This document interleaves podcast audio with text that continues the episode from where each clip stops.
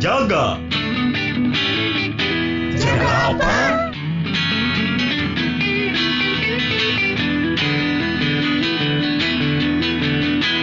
Jaga waras.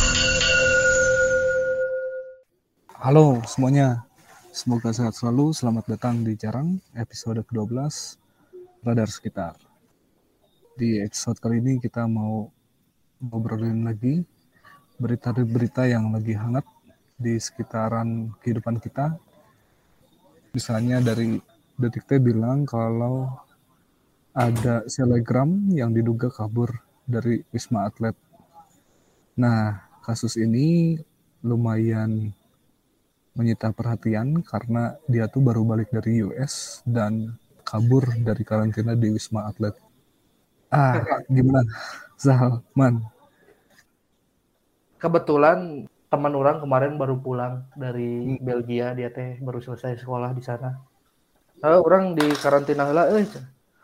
di Wisma Atlet. Hmm. Oh. Udah aja. Nah, terus teh beberapa saat kemudian teh orang teh nonton ada nonton video juga gitu ada orang baru balik dari Turki Hmm. eh, harus karantina Hmm. tapi nggak bisa karantina di Wisma Atlet cenah. soalnya yang yang bisa karantina di Wisma Atlet hanya orang-orang yang apa ya istilahnya yang melakukan perjalanan dinas, perjalanan kenegaraan, merenya terus Hmm. sekolah. Kalau di surat kepala Satgas COVID-19 itu tuh ada tiga ada tiga kategori. Yang pertama Hmm. pekerja migran Indonesia yang kembali ke Indonesia dan menetap minimal 14 hari di Indonesia. Terus yang kedua pelajar atau mahasiswa Indonesia yang kuliah di luar. Terus yang ketiga pegawai pemerintah RI yang kembali ke Indonesia. Jadi kalau Nah, sele- selebgram teuingnya asup ke mana tah teuing. pekerja migran meren. Teuing pekerja migran. Aduh. Terus maksudnya nah sibuk pisan gitu sih teh nepikeun ka kudu kabur itu ada dibahas aja eta alasannya eta kabur apa udah ada klarifikasi ya biasanya selegram apa ginian Can aya eh si Detik eh belum ngasih tahu. Cuman si Detik bilang si selebgram ini teh kabur karantina itu dibantu sama oknum mungkin yang sebetulnya harusnya itu ngejaga gitu ya di si Wisma Atlet teh. Hmm, hmm, hmm, hmm, hmm. Hmm, hmm, hmm, hmm, hmm, hmm. oknum sia maneh teh eh eh. dat aing teh si atuh ya itulah si selebgram teh euy Beblek anjing. Malah kalau kata si Detik tehnya so sebenarnya si usaha untuk ngaburin si selebgram ini dari karantina teh udah dimulai dari waktu penjemputan di Bandara Soekarno Hatta. Jika nama jadi nggak diniatkan merenya di pesawatnya anjis orang kudu karantina ke hoream kabur ah gitu beren. Urang mah sih lihat nanti gitunya jadi aya aturan loh ini teh gitunya Hmm. si satgas lah anu nungkulan pandemi gitunya Hmm. meni eueuh respect respect nah gitu eh karena aturan teh meni. Aduh aja padahal jang jang manehna sorangan gitu kan maksudnya nyatain dia positif atau membawa virus atau enggak pulang dari Amerika gitunya tapi asa atuh cik lah anjir. Mani rebel teh meni edan pisan euy eta mah. Man, kenapa bisa eh kumaha ya selebgram menang privilege gitu selebgram teh? Cek orang mah karena takut exposure kali makanya dikaburin daripada ketahuan gak enak meren kan orang-orang yang dapat exposure lebih di kita mah suka dapat keistimewaan dari exposure-nya Hmm. mana pernah dengar nggak sih gini kasus ini kami tangani eh, karena sudah meresahkan publik itu kan yang meresahkan bukan karena publiknya karena eksposurnya gitu jadi itu aparat hukum Hmm. Hmm. langsung gitu ta makanya kemarin Hmm. ya gitu suka dapat keistimewaan teh sebetulnya mungkin ya karena satu mah kemarin punya posisi kedua ya punya pengaruh sama kalau viral aja pasti tidak ditindak lanjut lamun Hmm. maneh teu viral mah mau ditindak lanjut jadi sebetulnya masa harus semuanya diviralin gitu gitu sih orang mah Oke, itu yang pertama. Terus yang kedua, yang kayaknya cukup berkaitan juga nih. Luhu, apa sih namanya tuh nama daerahnya di daerah Sulawesi sana? Luhu Timur ya kalau nggak salah. yang perkosa bukan Ah, ngikutin nggak, Bapak per- Man? bapak perkosa anak ya Oh, oh.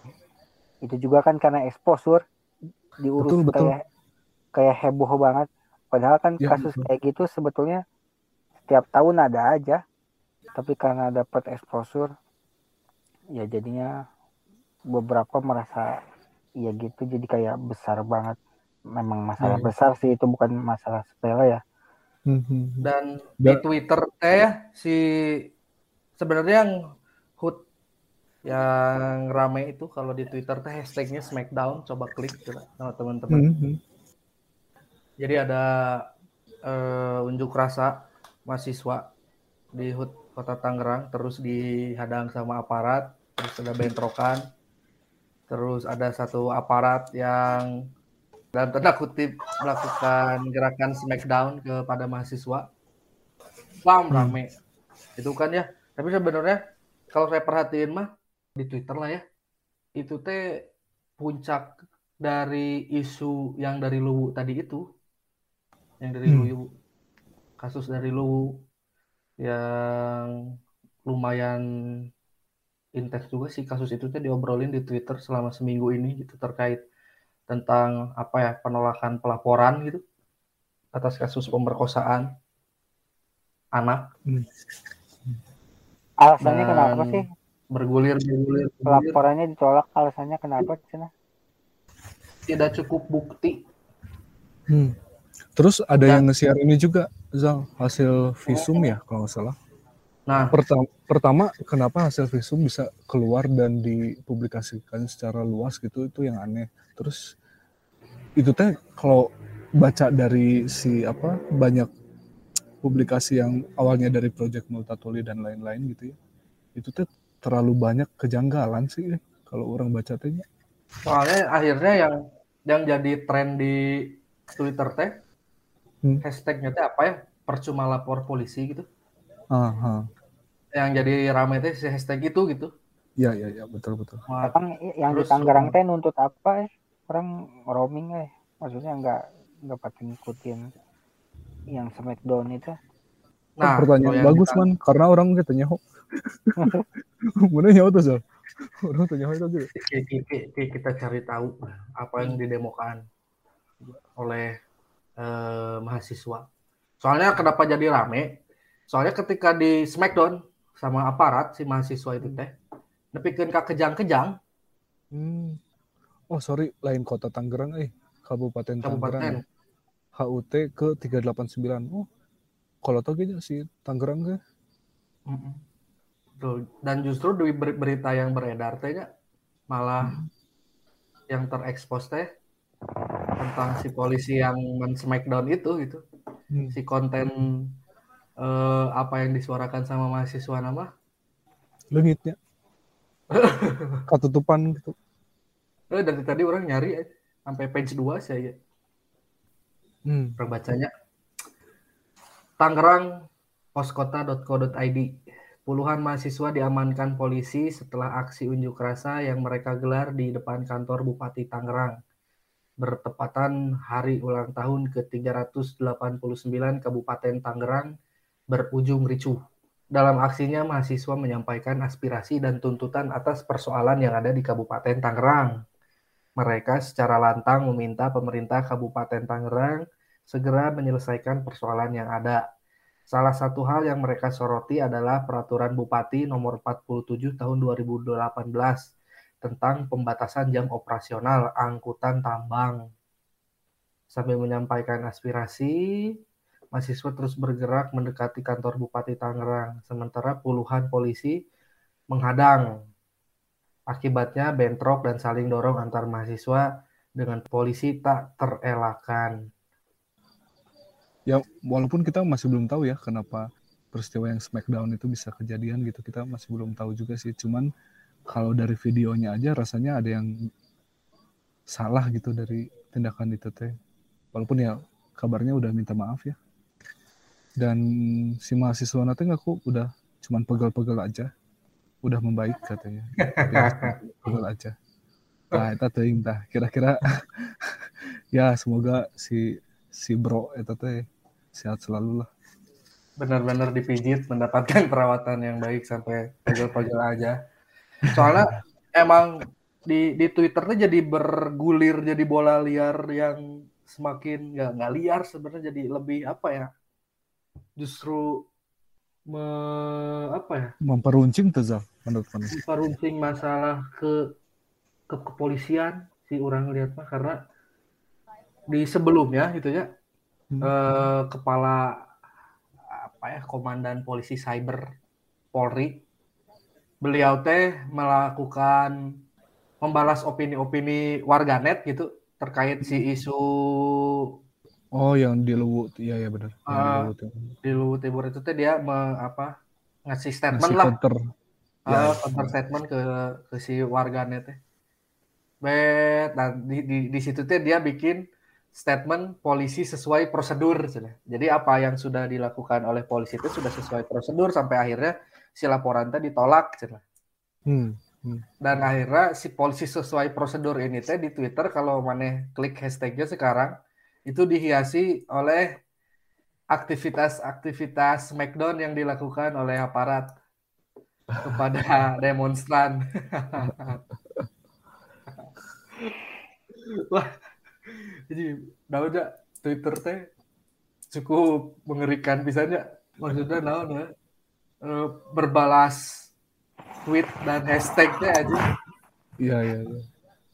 itu jadi bodoh ya, ya jadi lucu nanti hashtag yang digunakan oleh eh, pihak kepolisian yaitu tadi Polri sesuai prosedur malah dipakai sama yang kontra ke polisi itu yang diisi sama tindakan Smackdown tadi itu. Jadi seakan-akan bahwa prosedurnya harus Smackdown. Mengklik hashtag itu aduh ya itulah. Dan emang ngeri sih orang kadang jadi apa ya apakah prosedurnya harus begitu gitu atau apa Hmm, hmm, hmm. karena ini ngarembetnya cukup jauh ya sampai ada orang yang berstatement orang sembarang aja sih di Twitter teh apa ya nge-scroll nge-scroll gitu ya sampai Hmm. ada satu tweet yang ditanggapi sama Budiman Sujatmiko cina bahwa kalau lihat isu belakangan ini cina ini negara teh kayaknya mengarah ke state police Hmm, negara hmm. polisi cenah. soalnya cina eh, secara anggaran oke polisi teh punya porsi lebih banyak gitu daripada pos-pos yang lainnya. Wah rame oge eta tweet eta disamper sama si pas Budiman Sujatmiko. Wah. Dan yang jadi lucu lagi teh Budiman Sujatmiko selalu jadi bulan-bulanan. Nah dia istilahnya aktivis masa kini lah sebagai doi aktivis masa lalu gitu kan. Masa lalu. Yang terus merapat ke penguasa gitu. Acik dibully habis aja. Mister Budiman Sujatmiko. Gara-gara algoritma ya? Bukit algoritma. Bukit algoritma.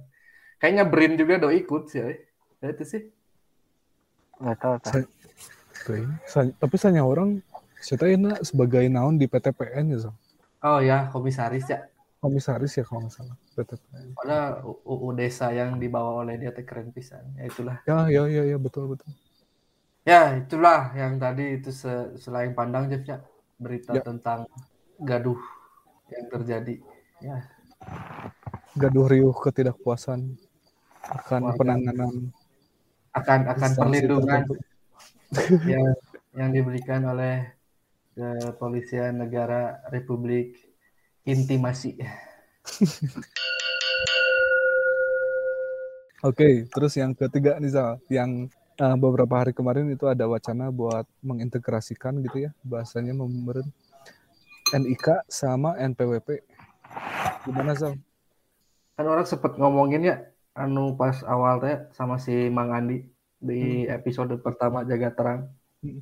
pas ke ngomongin bansos itu waktu itu teh yang pabaliut gitu ketika data di dinsos teh siga kumaha data di di siga kumaha nah si Gana ayo urang mah perspektifnya ningali tina kesimpulan jadi ah urang jadi boga satu nomor aja cukup gitu Hmm. dan ternyata setelah orang baca beritanya juga gitu ya peraturan wajib pajaknya mah tetap sama aja kayak yang sebelumnya gitu Hmm. bukan bukan berarti siapa pun yang punya NIK terus di jadi wajib pajak gitu gitu oke Hmm. Hmm. Tetap aja yang gajinya di bawah 54 juta per tahun mah tidak dikenai wajib pajak justru jadi simpel sih ngeunahna kalau misalkan jadi dalam NIK itu teh soalnya harus ada nomor NPWP, eh, nomor KTP, eh, nomor BPJS, eh, nomor itu, iya gitu kan. Pokoknya real pisan. Uh, uh, justru misalkan jadi satu nomor gitu sih, karena mempermudah barunya. Hmm, hmm, hmm, hmm. Lamun di- jadi diintegrasikan gitu ya. Nantinya apakah ada salah satu nomor yang dipakai gitu atau malah jadinya bikin nomor baru. Nah, yang terakhir orang kurang iya maksudnya eh, misalnya ada nomor baru nah otomatis dugaan orang ya bakalan dikeluarin lah produk fisik yang baru gitu.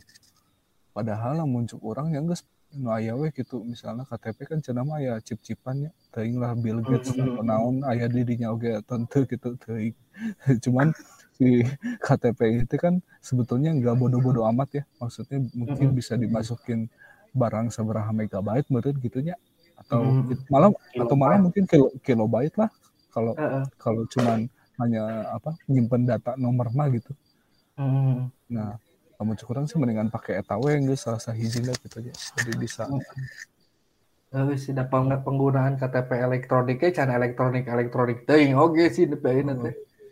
Mesti kena di fotokopi aduh. Orang mencek isuknya syaratnya harus bawa fotokopi KTP 6 lembar. Yang naon coba? anjis ini genep lembar bro Yang naon anjing genep lembar anjing. Aneh pisan anjing. jadi runtah keur tegang Lalu jadi Mamat. rumah sakit saya Mun misalkan. KTP orang di- didaftarkan pinjol anjing kumaha anjing. KTP aing anjing. aslinya itu genep sah Genep lembar. Waduh, ada aja. Lebih baik beli alat NFC reader lah, cik baca eta Ah, KTP orang tinggal ngetap kan, kayak asup ke datanya Hmm. sistem si halus. Itu atuh bro, ah kumaha ini ke 4.0 teh. Ah. Wakanda wae. masalahnya pencari proyek belum secanggih itu eh manehna masih menguasai teknologi lama Aduh. Pengenalan peng- pengenalan teknologi ya tapi anggaran dewa yang kayak aya pelatihan. Pelatihan penggunaan teknologi ya wah lumayan. Ini bisa di hotelan nah gitulah. Baliut lah pokoknya itu. Tapi balik lagi ke yang tadi NIK NPWP, Hmm. ayo orang sih karena jeng ke ka urang oge nggak akan rempong gitu ke depannya. Kalau misalkan punya ID satu teh udah aja dompet Hmm. mau kandal-kandal teuing oge ah bener bener. Syukur-syukur emang udah bentuk nanti jadi virtual gitu. Di handphone we unggul handphone udah ada NFC sekarang transfer Ya, data bener. tinggal ngetap tak lebih mudah. Cuman atau ya malah diintegrasikan dengan sistem anu lainnya Zal. misalnya peduli lindungi teh ya. dilindungi BPJS Tah, SIM. Nomor rekening. ya, nomor handphone. Wah nggak eta mun bisa gitu.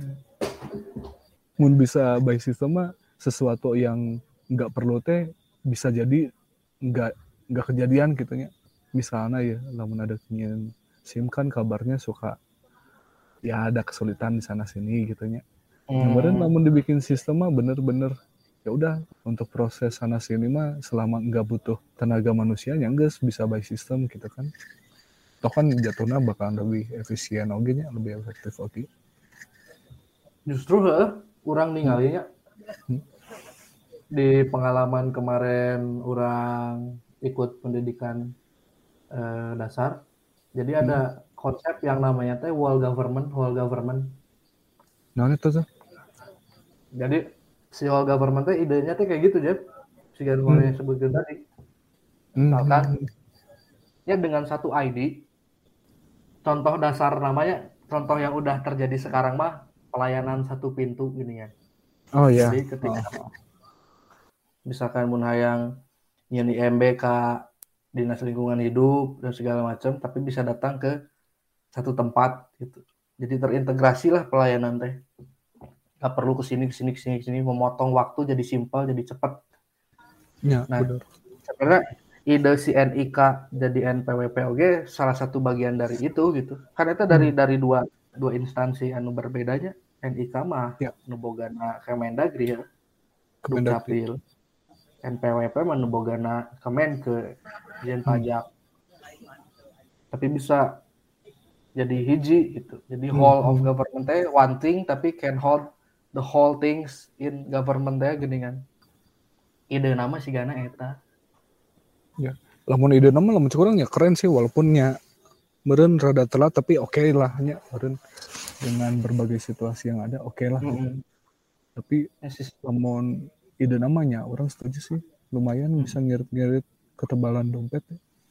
entah eh itu kudu loba ngukur tak kartu itu iya sih Hmm. menarik sekali ya semoga lah manfaat Meureun.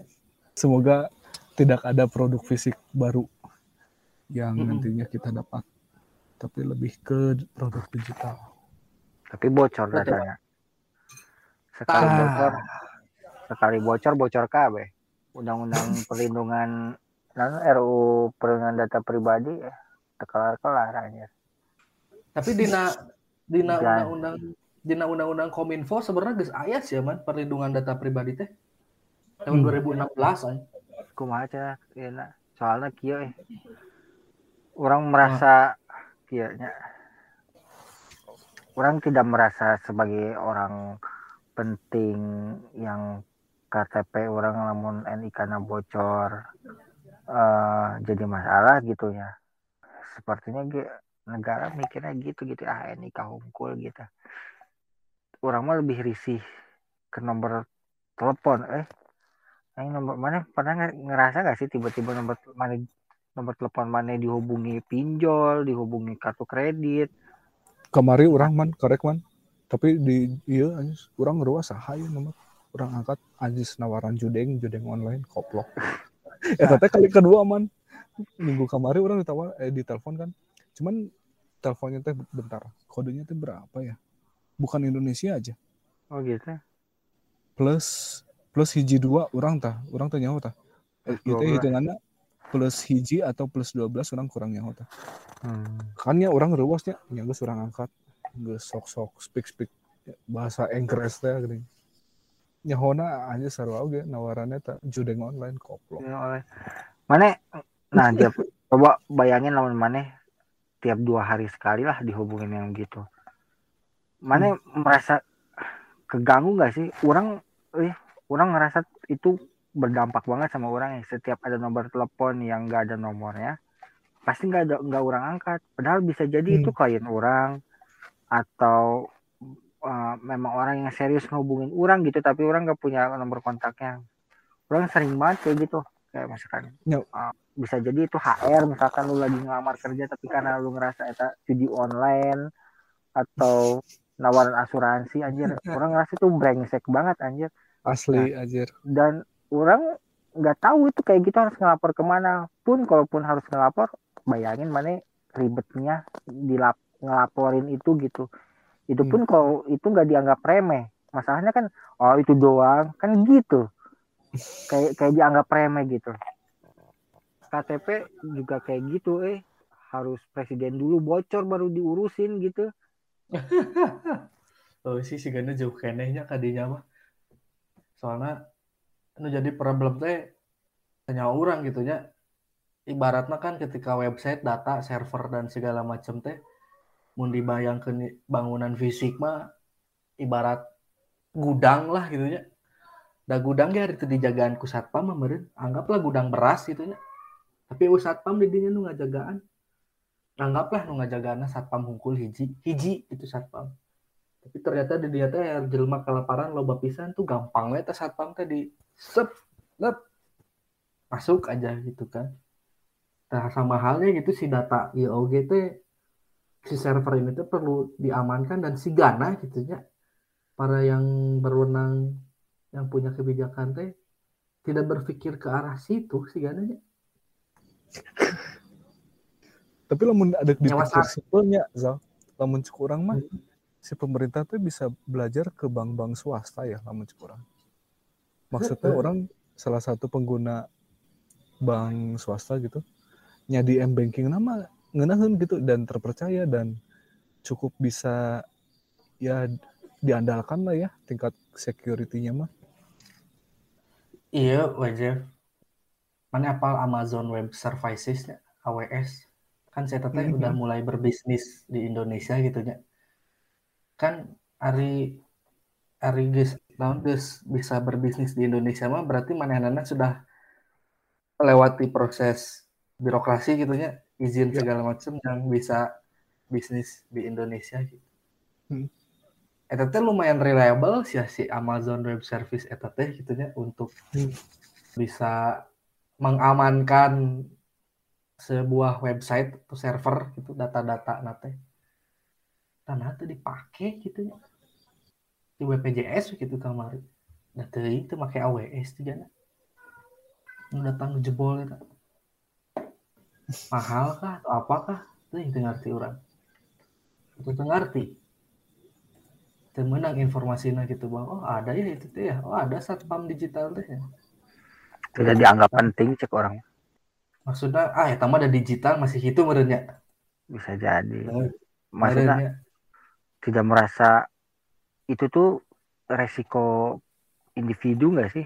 Orang curiga jangan-jangan dipikirinnya gitu ay. Selama tidak merugikan negara padahal kan mereka harusnya melindungi kita anjir. Dan resiko ini teh kan sebetulnya enggak terjadi ke kita-kita doang ya. Maksudnya kalau ada orang-orang yang tinggal di daerah yang agak pelosok kan mereka punya risiko yang sama tapi mereka tuh ya mungkin tidak terinformasikan dengan baik akan si bahaya iya ya contohnya eta weh transfer transfer palsu itu kan banyak loh orang lembur yang Hmm, ketipu teh. lewat Sama- SMS telepon telepon Oh. aneh ya. Heeh. selamat eh, dapat hadiah nu gitu-gitu teh kan Mhm. kebanyakan Oh, iya. orang yang kurang teredukasi dan kayaknya selama ini nggak pernah diurusin tuh. kayaknya mereka-mereka itu nggak pernah ditangkap tuh padahal orang yakin teknologinya ada dan mampu ini mana pernah nonton nggak di YouTube?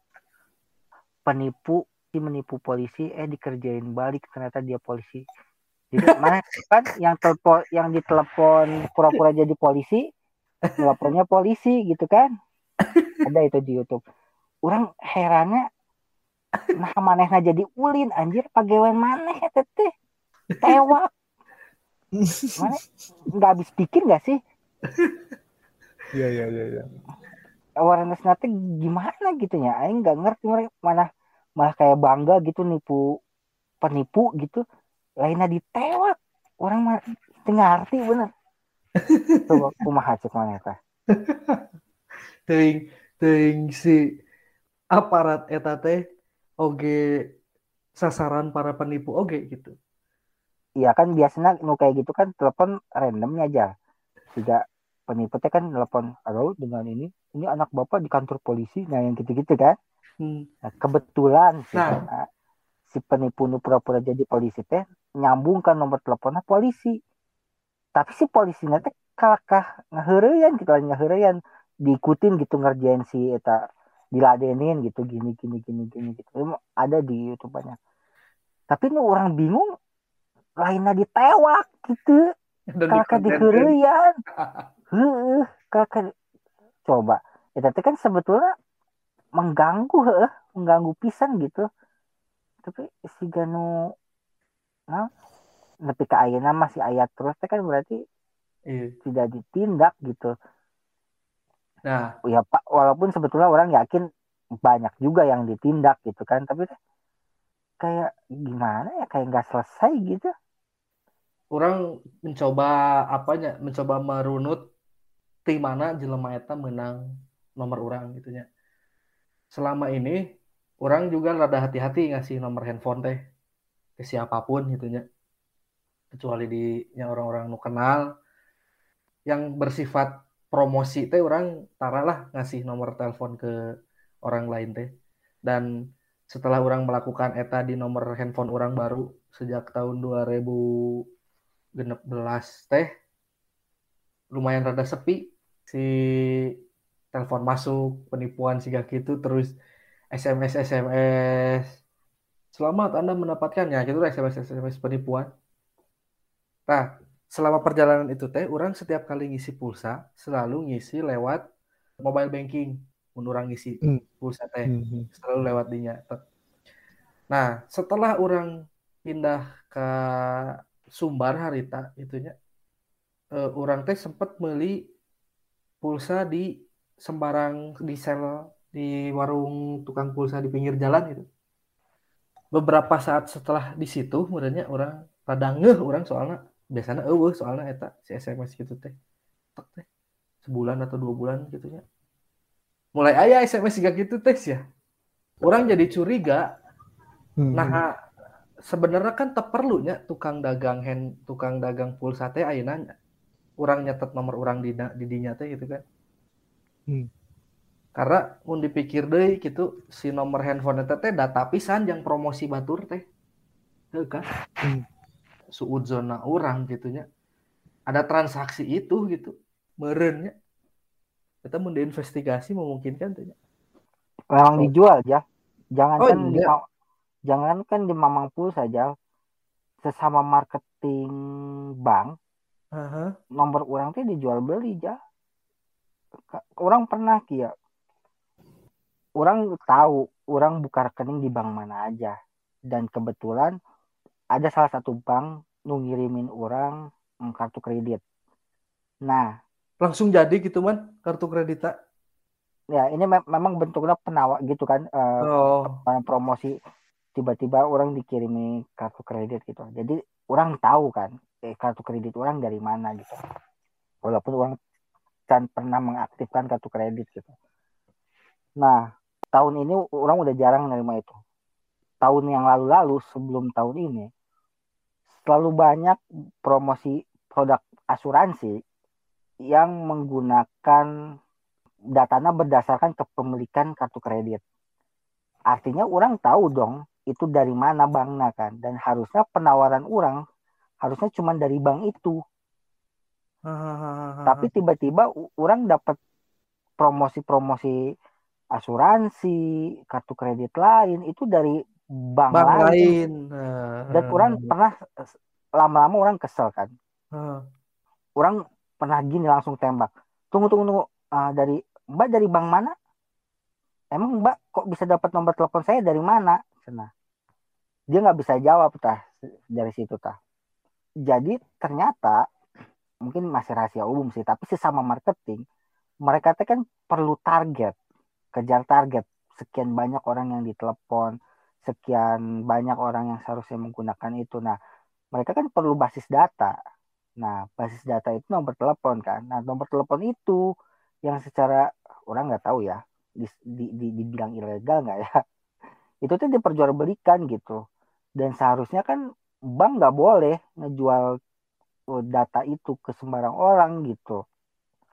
Makanya banyak produk-produk yang ini kami dari asuransi ini bekerja sama dengan bank ini. Nah, itu kan sebagai tanda pengaman gitu bahwa oh ini Nah, kerjasama walaupun lamun maneh lihat di media promosinya ada tulisan kerjasama ini bank saya tidak bertanggung jawab atas produk-produk yang ditawarkan oleh asuransi ini kayak gitu. Padahal manehna bilang mengklaim bahwa manehna kerjasama nah praktik-praktik kayak gini itu antar perbankan ya yang sistem sistemnya seharusnya advance lah. Komo dari pulsa gitu maksud orang ke arah sana. Dan ayah orang panggil. Serius? di kaskus. Ayah di kaskus. Anjing. jual Linggan. database jual database khusus telemarketing sales telemarketing 10 juta Wah, coba Gan, link Gan. Pengen, pengen lihat Gan. Baca Gan. Kira eh, September 2020 dan terjual, Bro. Wah. Apakah Oh, ya? Anda merupakan Terjual? seorang dari owner atau pengusaha, marketing ataupun sales punya usaha online? Siapa pun Anda, bahkan apa pun usaha yang Anda jalankan, kami sarankan dengan promosi melalui telepon dan SMS secara masalah atau manual. Lalu bagaimana cara promosi lewat? Nah, gitu. Database kami jamin 80% sampai 90% valid. Kenapa kami Hmm. tidak mengaransi sampai 100% karena kami tidak menjamin bahwa database yang kami miliki valid 100% dan disebabkan pengguna telah mengganti data mereka secara tiga bulan sekali. Gitu kan. Berapa harganya? Hanya 500.000 per paket. Paket berisi 100.000 data dan Buset. ditambah dengan data terupdate. Ya lo te- Kalau man, wilayah da database-nya ya seberapa man? 500 ribu. 100.000 data. 100 ribu data harganya 500 ribu. Berarti satu data harganya 5 perak. Anjing. Belum. ya kan dia lo mungkin ya apa orang salah. Hanya hanya satu tapi kan orang nggak tahu per paketnya ini berapa. Hmm, hmm, hmm. dari seratus ribu ini berapa paket orang nggak tahu. Hmm.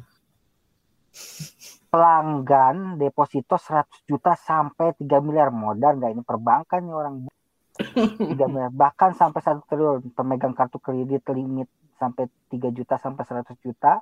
Hmm. owner pengusaha pemilik rumah mewah pemilik mobil mewah ini. Ngeri ini gila gak mana ini? Ngeri banget anjir. Gimana KTP digabung sama NPWP bos? Di satu sisi meren bakal bikin kalau misalkan naon ya infrastrukturnya sudah ada itunya guys aya satpamna servernya sudah bagus security si servernya bagus. Sigana akan sangat menolong untuk berbagai macam kasus gitunya Hmm. ketika keamanan data orang masih dipertanyakan keamanannya gitu. Terus sekarang kita bisa lihat di berbagai macam forum jual beli online teh data pribadi diperjualbelikan. Sigana acannya menuju ke arah banyak acan Berarti untuk menuju Indonesia satu data nampaknya sejauh. Betul begitu kawan-kawan. Masih banyak PR yang perlu Aduh. dikerjakan di sana sini. Aduh. Wah cukup panjang sekali pembahasan NIK menjadi nomor wajib pajak ini ya saudara-saudara. Aduh. Oke, itu yang ketiga NIK sama NPWP. Nah, yang keempat ini ada berita tentang pemberian amnesti oleh presiden kepada dosen salah satu perguruan tinggi di kalau nggak salah di Aceh ini tuh. 7 Oktober Detik itu bilang kalau DPR telah menerima surat presiden terkait pertimbangan amnesti kepada dosen Universitas Syah Kuala USK. Namanya tuh Saiful Mahdi. Dan rasanya udah disetujui terus kayaknya udah keluar juga ya dari penjara karena Udah, sebelumnya dia itu dinyatakan bersalah dikenakan undang-undang ITE dan dihukum tiga bulan penjara serta denda 10 juta. Nah sebelumnya kenapa Saiful ini dinyatakan bersalah gitu? Dia itu sempat komplain tentang rekrutmen dosen di fakultasnya dia kalau nggak salah. Jadi dia ngebandingin fakultasnya dia tuh sebetulnya udah lama gitu ya.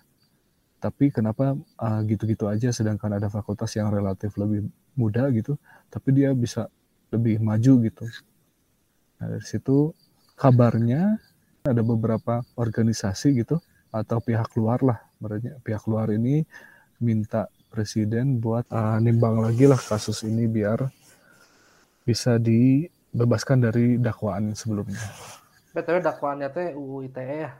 Hmm, kritikannya itu sebetulnya kan dia menitik beratkan ke masalah merit apa istilahnya meritokrasi ya. Ya.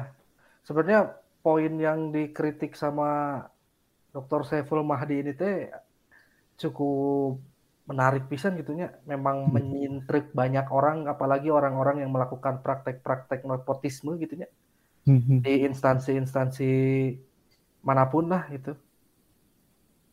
Dan meren apa ya ya kembali lagi lah ke si UU ITE ini yang dengan mudahnya gitu bisa menjebloskan seseorang ke penjara karena pendapatnya gitu karena argumentasinya. Hmm. ah please lah tolong di direvisi merenya ya UU ITE teh coba gimana gitu karena sebenarnya poinnya tidak ada yang salah gitu ya dengan dengan dengan otokritik yang disampaikan sama si Dr. Saiful Mahdi teh gitu justru kalau berpikir berpikir maju mah gitunya cih nya iya eh kita teh harus melakukan proses rekrutmen yang bagus segitunya ketika orang bisa menanggapi kritik itu ketika di dapat kritikan dari si dokter gitu. Tapi ketika orang-orang anu baper gitunya anu tidak bisa berpikir kritis, tidak menerima kritikan, tidak mau berpikir maju itu tapi hanya ingin memperkaya diri dirinya sendiri teh eh dengan mudahnya gitu si dokter Saiful Mahdi teh cus penjara kih kamu eh ngomong kok sembarangan. Ya Allah. Itu gitu tehnya Nilai yang diperjuangkan si Saiful Mahdi teh kan sebetulnya keren pisan ya. Meritokrasi. Heeh.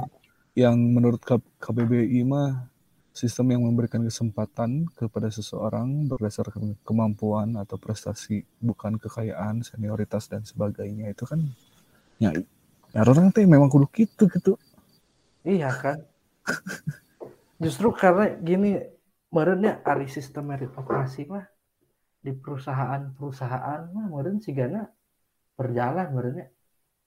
Karena pengalaman orang kerja itu sebelumnya ini karena tadi proses rekrutmen dan segala macam otomatis berkaitan dengan pekerjaannya tadi khususnya apa kasus dok si Saiful Mahdi ini mah eh, di dunia akademisi. Hmm.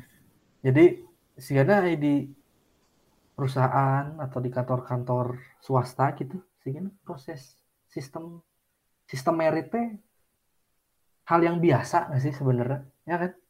Ya betul. Ya kan maksudnya ya orang tiga tahun kerja di organisasi gitu ya, konsisten lah performa gitu, ya orang dapat promosi gitu, tek naik.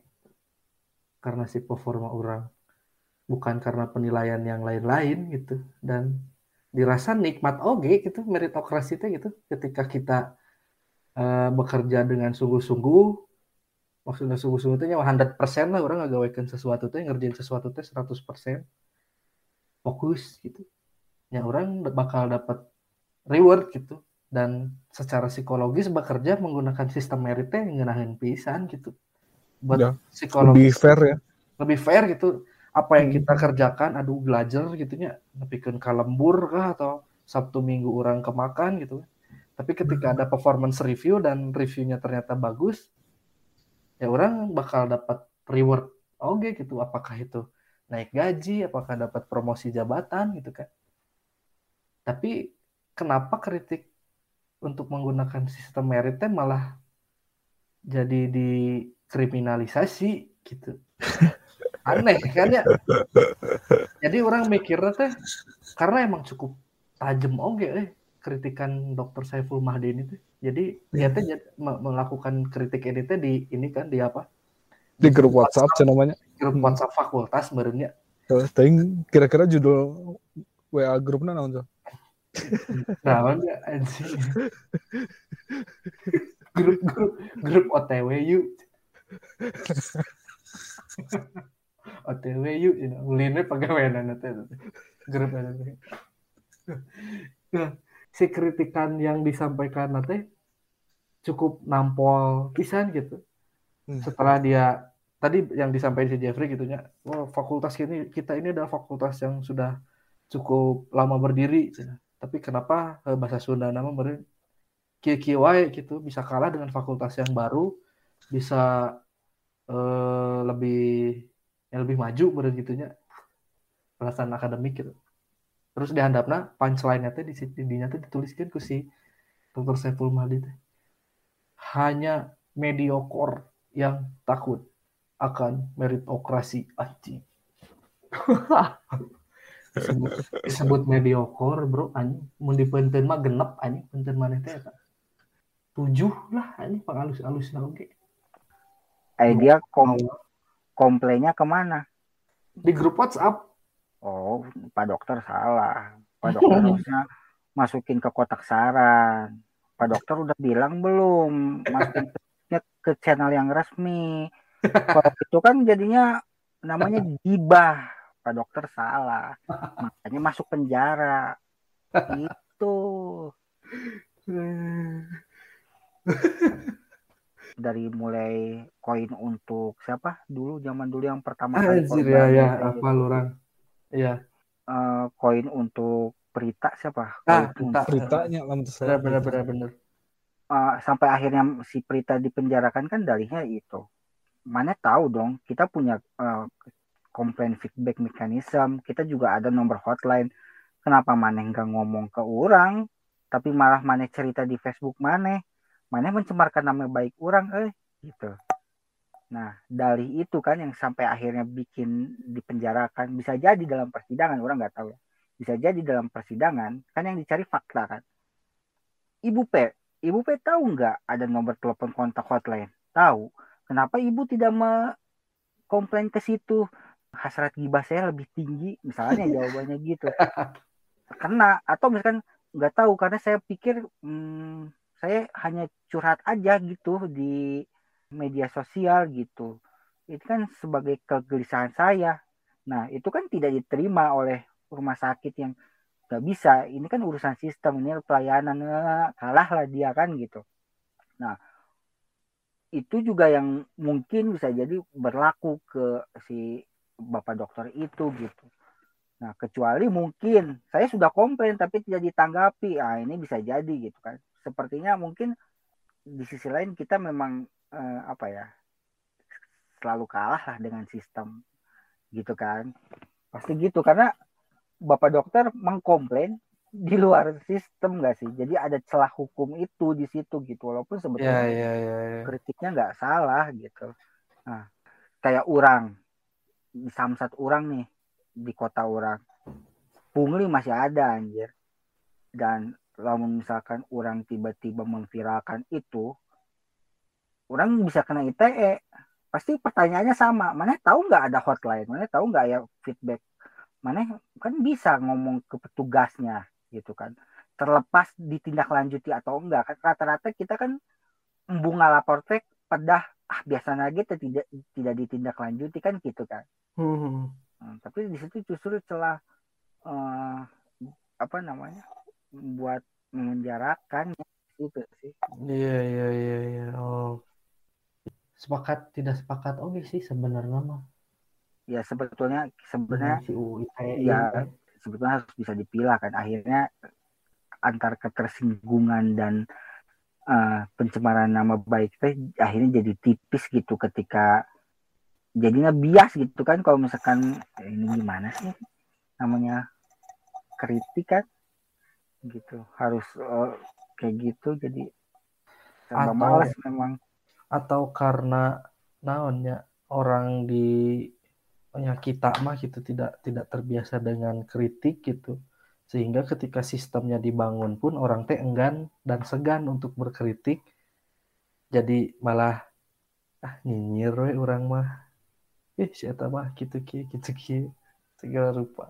Tapi kalau di di di, di kasusnya si dokter dokter Saiful Mahdi iya teh si Gana manehna mah geus kapalang kapalang nafsu si Gana meureunnya nepikeun ka truk gitu di grup WhatsApp kepalang haneueuh Eh, geus geus Kapalang. kesel we si Gana gitu celebrate langsung aduh teh teh cek orang mah sebetulnya sekarang justru yang lebih penting ini eh ini Apa eh, tuh? undang-undang memarahi orang di depan umum eh apalagi yang marahi yang dimarahinya Kumaha eta? ini rakyat biasa yang marahinnya menteri lagi. Mana tahu nggak berita itu? Udah marah-marah nyapu mana lihat videonya nggak sih? Ih, orang nggak habis pikir nyapu. Mana nyapu sendiri gitu. Gini kalau misalkan memang pengen kelihatan sederhana gitu ya. Terus apa ya kerja gitu. Eh, nyapu teh kerja tuh bareng-bareng gitu gotong royong. Ini mah dia nyapu sendiri orang-orang nontonin dia motoin gitu. Kira-kira itu apa cek mana enggak kan kalau misalkan kita nih tiba mana lagi nyap kita lagi kerja bakti nyapu kan ramean dong kerja bakti dong. Nah kalau tiba-tiba mana habis pulang sholat jumat ya terus mana megang sapu nyapu terus mana ditonton mana kira-kira berhenti apa terus nyapu? Coba kira-kira ini mah eh enggak harus mikir eh aduh Mungkin, ini mah mungkin we, bahwa nyapu teh salah satu kebutuhan biologis beliau. Sama halnya sehingga orang bernafas gitu man.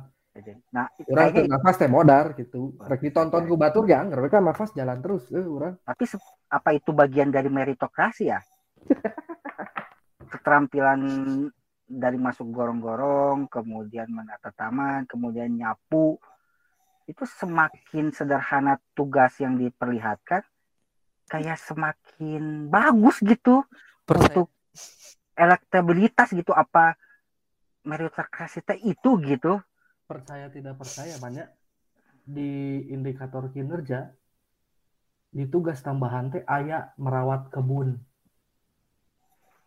Ada angka kreditnya itu teh bro. Merawat kebun. Oke. Aya eta teh.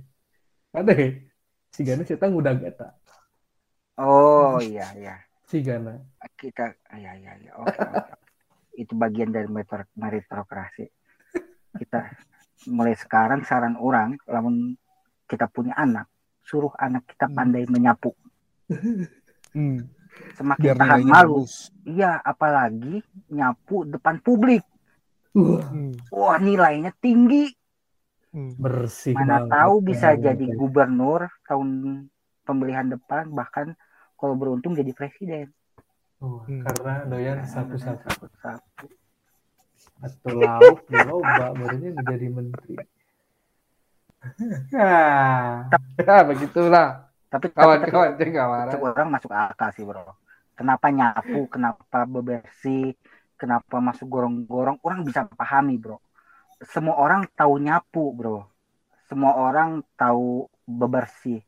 Mana kebayang nggak kalau eh, menteri itu ngurusin data di depan kamera? Kan gak semua orang ngerti dia kerja apa. Taunya orang Hmm. duduk. Tapi kalau nyapu, semua rakyat di Indonesia tahu nyapu dan tahu nyapu itu kerja Hmm. makanya namanya Hmm. nyapu giliran ditanya data manehna marah siapa bilang saya hapus siapa yang bilang saya hapus saya nyapu Jadi sebenarnya mah ya makna dibalik nyapu etanya. ya jadi Makna ternyata yang filosofi meureun. Semiotika.